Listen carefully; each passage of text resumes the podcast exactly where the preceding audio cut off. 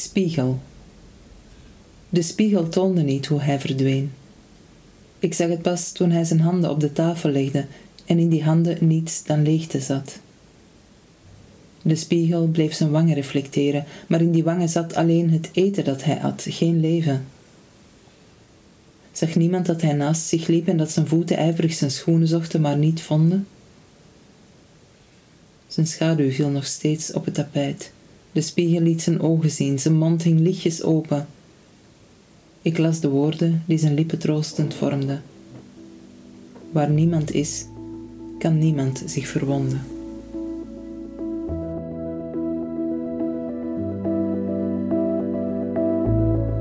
Ik ben Moot van Houwaard en ik ga in gesprek met Johanna Pas op basis van een aantal gedichten uit haar laatste bundel met als titel Was.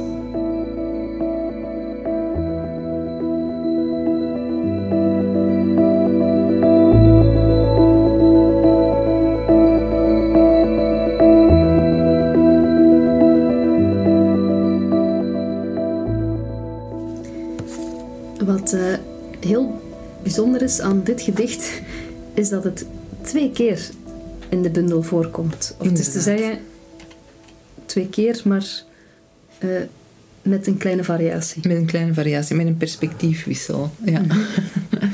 ja het eerste, de eerste versie is, um, is eigenlijk in, in, in tijd dan, of, of wanneer ik het geschreven heb, de, de tweede versie. Maar in de bundel verschijnt die eerst uh, bij de gedichten over mijn vader, omdat het heel erg gaat over het, uh, het afscheid dat al komt voor iemand echt weg is, of, of uh, dat iemand soms bij leven al verdwijnt.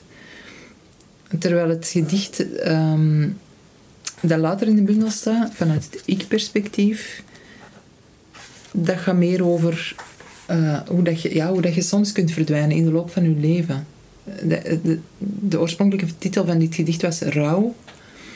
Um, omdat het heel erg ging over je terugtrekken uit, allee, een soort van verdwijnen uit de wereld omdat alles te pijnlijk is, omdat alles zo vol scherven zit of zo en, en uh, die aanraking onverdraaglijk is en daaruit verdwijnen. Ja. En dat was in de ik-vorm geschreven. Wat ook niet per se uh, één op één over mij ging trouwens, maar mm -hmm. meer het gevoel, uh, ja, een herkenbaar gevoel uitdrukt. En het tweede gedicht, wat je zo net voorlas, ja. dat dan eerst in de bundel staat, ja. um, schreef je dan pas toen je vader... Toen mijn vader overleden is, ja. Mhm. Mm -hmm. ja. ja. De titel is twee keer Spiegel. Mm -hmm. um, de gedichten spiegelen elkaar, zou je kunnen zeggen, op... op, op uh, ja, in zekere zin wel. Zekere zin. Ja. ja. Um, geef je hier ook mee aan dat jij uh, jezelf ziet in je vader en andersom? Of, of vul ik dan te veel in? Moet ik ah, nee, dat is wel zo... een interessante. dat is wel een interessante. Ja, dat, dat zou wel kunnen, want ik, ik lijk ook heel erg op mijn vader. Ik bedoel, we hebben heel veel conflicten gehad en zo, die absoluut. Um, um, misschien juist omdat we erg op elkaar leken. Maar als kind kwam ik heel goed overeen met mijn vader en ik, uh, ik, ik zag ook wel veel van mij in hem. En ik, ik zie nog altijd wel veel, dat we, veel overeenkomsten. Ja. Um, ja, misschien is dat inderdaad, dat, dat element zit er misschien wel bij. Daar heb ik zeker niet, allee, nog niet over nagedacht, maar dat kan. Ja, ja zo trekt... Dat is, de lezer heeft de macht, hè. Voilà.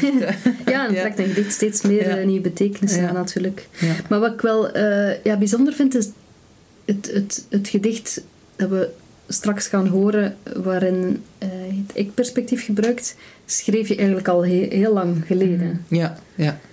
Um, nog voor je ook geconfronteerd werd met kanker. Met kanker. Ja, zeker. Ja, ja.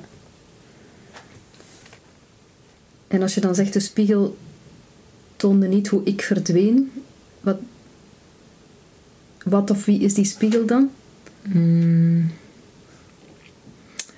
Ik, ik, dat beeld is voor mij heel letterlijk. Dat, dat ik, uh, ik, uh, ik heb een, een, een paar keer, ook als kind had ik daar wel last van, maar een paar jaar geleden, na, nadat ik kanker had gehad, nog, nog erger eigenlijk.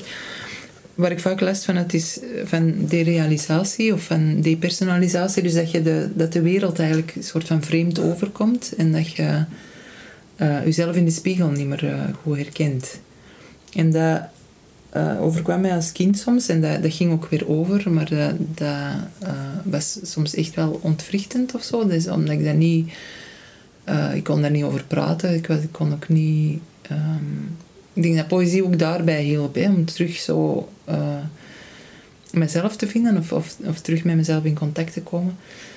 Maar dat, dat vervreemdende gevoel, dat, uh, dat uit zich inderdaad, dat, dat, ik, dat, dat je dan in de spiegel kijkt en je, zie, je weet eigenlijk niet goed wie dat je ziet. Het is niet zoals een, een, een psychose of zo. Je bent mhm. niet compleet uh, vervreemd van jezelf. Je weet dat er een, een discrepantie is tussen wat je ziet en, en wat je ervaart.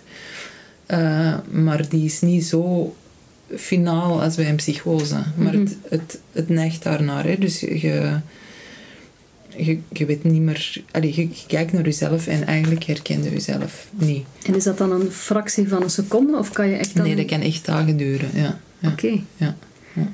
En... Um, kan ook een fractie van een seconde zijn. Maar dat, dus, dus dat, eigenlijk gaat, dat, gaat het heel erg daarover. En dat, dat van die handen op tafel is ook, is ook echt uh, een van de... want u zelf in de spiegel zien... Uh, ja, nu, die selfies-generatie kan zich dat misschien niet zo goed voorstellen, maar vroeger hadden ze morgens, je zag jezelf in de spiegel als je je tanden poetste of uh, opstond en s'avonds ook nog eens.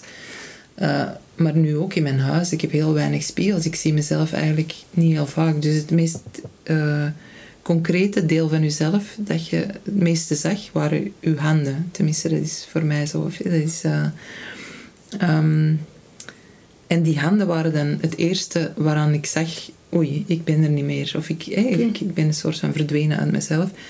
Omdat die handen niet meer, uh, precies niet meer van mij waren. Ja.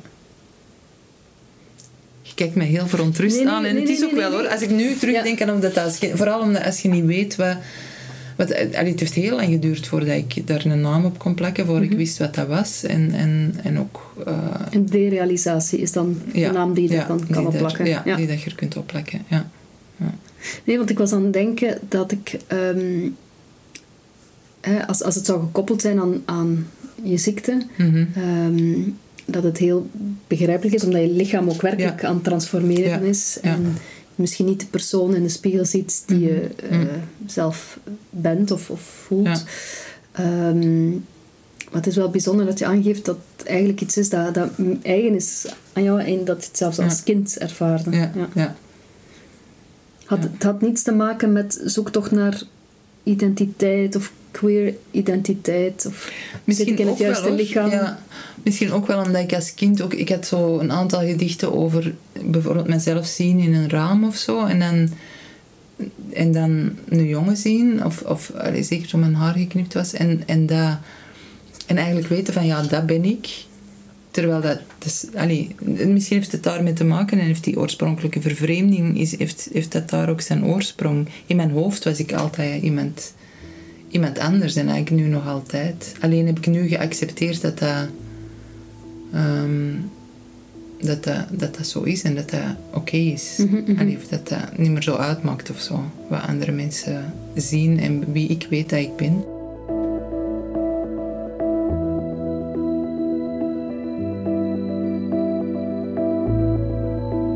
Ik zag het pas toen ik mijn handen op de tafel legde en in die handen niets dan leegte zag. De spiegel bleef mijn wangen reflecteren, maar in die wangen zat alleen het eten dat ik at, geen leven. Zag niemand dat ik naast me liep en dat mijn voeten ijverig mijn schoenen zochten, maar niet vonden? Mijn schaduw viel nog steeds op het tapijt. De spiegel liet mijn ogen zien, mijn mond hing lichtjes open. Ik las de woorden die mijn lippen troostend vormden. Waar niemand is, kan niemand zich verwonden.